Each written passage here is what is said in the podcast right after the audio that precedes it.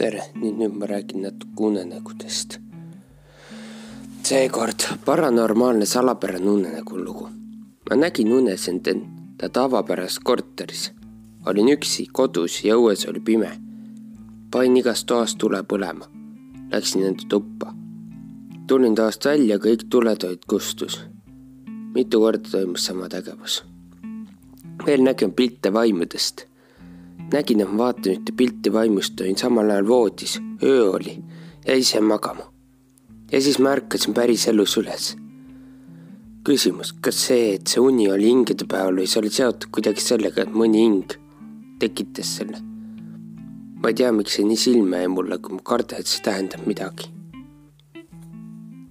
Kawai Star kirjutas nii, eile. ja Aadu kuuskümmend kuus kirjutas nii Need on toredad unenäod. nägin unes, et seisan kuskil tööstusmaastiku karjääri serval. tohutud kallurid sõitsid läbi minu, sõitsid minu eest läbi, üle pori loikudes maastikku. see polnudki tee, vaid suur tasane pind nagu kruusaau killustikku kaetud poriloikudega. olin sel hetkel teadlik, et magan, näen und. ärkasin, mõtlesin tükk aega voodis, mida see võis tähendada. siis tõusin Läksin, lükkasin magamist akna lahti. jahe tuul tuli tuppa, liigutas kardijaid ja hoidsin ühe käega akent lahti ja nautisin jahedat tuult kehal. siis märkasin naabrimaja polegi, ühtegi tuld ei paista. taipasin, magan ikka veel. pöörasin ringi ja seal ma magasin, kui mu voodis tekk peal ja puha. ega selle pealegi veel üles ärganud kui nüüd olin täiesti teadlik, et miskit toimus, tekkis tohutu huvi ja erutasin, mis nüüd nojah, takkajärgi tarkus on ise apaatne ja selle asemel, et asju juhtuma panna, ootasin, mis juhtub. sattusin ühe pimeda linna pimedale tänavale ja seal oli ka teisiti. teisi ja midagi seal toimus, aga ma kohe elevil vaatasin. rohkem ennast kui ümbrust, mis oli muidugi viga ja varsti pärast seda ärkasin tõeliselt hirmsa ropsu ja võpatusega ja seekord tõeliselt. kontrollisin seda paari valju peeretusega, tõin voodist välja ja nüüd jäi voodi tühjaks lase neil unedel areneda, katsu teadvustada, magad, kui sa suudad, siis läheb huvitavaks, vähemalt arvan.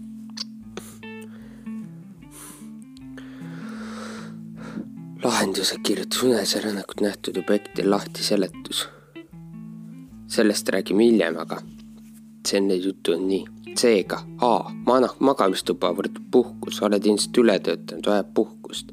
B päike ja valdu, valgus võrdub teadmine pimedus on teadmiste puudumine ehk võiks maailma süvaolemuse vastu rohkem huvi tunda. C. surnute vaimud võrdub millestki vabanemine. järelikult ilmselt peaksid unenäkud tõlgendamise juures vabanema senistest argireaalsuse väärtõlgendustest.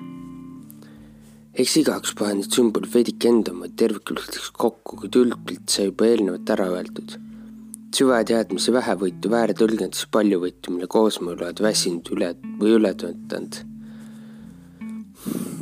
kuu üksteist kirjutab. uneobjekti seletust võivad kattuda, aga enamus on need ikkagi isiklikud. vaatasin, et lingilt kelder alateadus, mida sellele mõelda. Burning, kasutuse võtmata olemasolevad ressursid mul on keldris üks uks, mis asub saunas ja viib suurde tootmisruumiks seisavad uued tööstuslikud metallitööpingid. sealt edasi on väike kohvikulaadne ubane kohak, kus mõnikord võtan väikese joogi. Pööningu kirjeldus isegi veidi läks täppi. see on nimelt raamatukogu. võib-olla siis raamatute uurimine tähendaks ressursse, mida ei oska näha või kasutusele võtta Aadu kuuekümne kuuel oli jah mitmekordne ärkav, mõnikord suht tüütu, tahaks ju päriselt ärgata, aga ikka ei õnnestu läinud jälle oma unetoa voodist mm.. jah, jah, suht tüütu asi. Enda sellist asja pole olnud. seekord ma lõpetan, nii et tšau, head aega, tšau.